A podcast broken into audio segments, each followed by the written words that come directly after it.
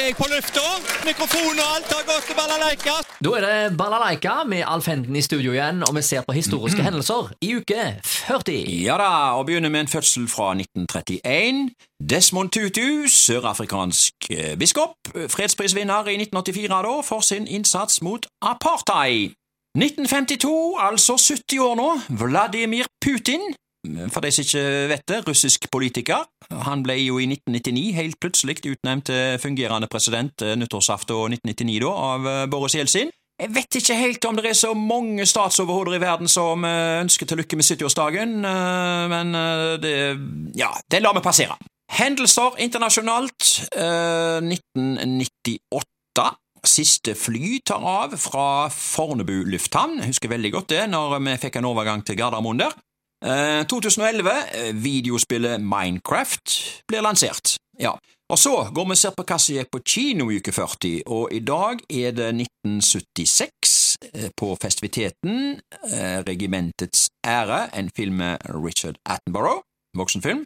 På eh, Håndverkeren gikk en barnefilm, Den nye dyrlegen, og så gikk det en film som heter Historien om Adele H, en voksenfilm der, og vi tar med nattkino.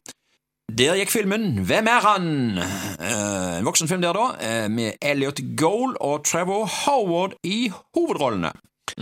Og så skal vi tilbake til 1922. Eh, Jeg har vært i eh, Kim Kakor-bøkene her til Tor Inge Vormedal og finner noe fra Haugesunds Dagblad om kvinnelig diskusjonsklubb. Jeg siterer.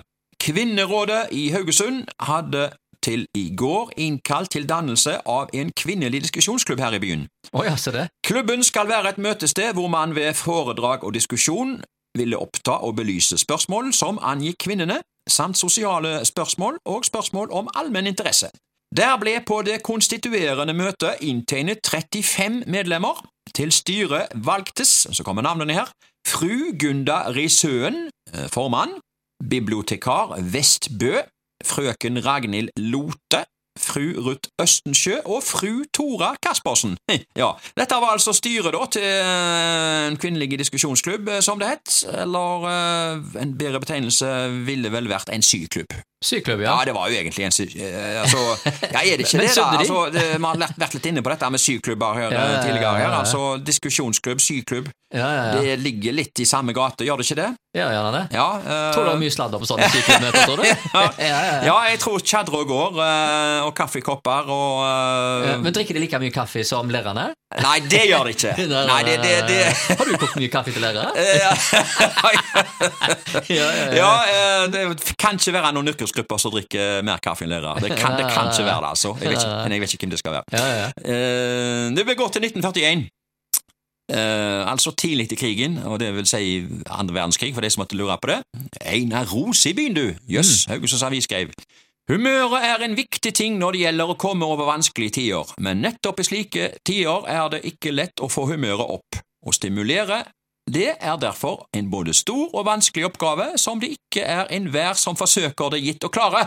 Men at Einar Rose klarer den oppgaven nå som før, ja, det fikk man mer enn tilstrekkelig bevis for ved hans besøk i Haugesund i går kveld. Rose samlet tre fulle hus fra klokken fire om ettermiddagen til middag. Ja, sto det altså da å lese i 1941. Og eh, ja, Einar Rose han var jo en humørspreder av det sjeldne, og eh, jeg forbinder jo han først og fremst med revyer, da, og som en svært fotballinteressert eh, heiaropleder da på tribunen. Eh, Det var jo Skade som var klubben i hans hjerte. Ja, dette. Ja da, det var det. Uh, Ikke shade, altså. Ja, det er noen som sier det, jo. Ja, ja, ja. ja. Men skade skal være det rette. Skade er, eh, er Men men forhold oss til Skade. Ja, nettopp, nettopp, Eh, Einar Rose han var jo en morsom mann, liten og tjukke, altså helt motsatt av Leif Juster. Og, Ja, ja, ja. ja, ikke sant? Og nettopp de to hadde jo mange uforglemmelige revynummer i lag, og Ja, ja, ja. eh, spesielt Prammen og Madammen, da, jeg Ja, tenker nettopp, på. nettopp. Ja, så, uh, så den var på en måte den tidens uh, Heland og Halland. Ja, det var de òg.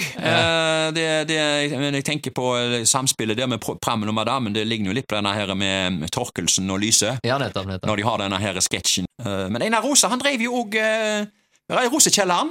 Mm. I Oslo.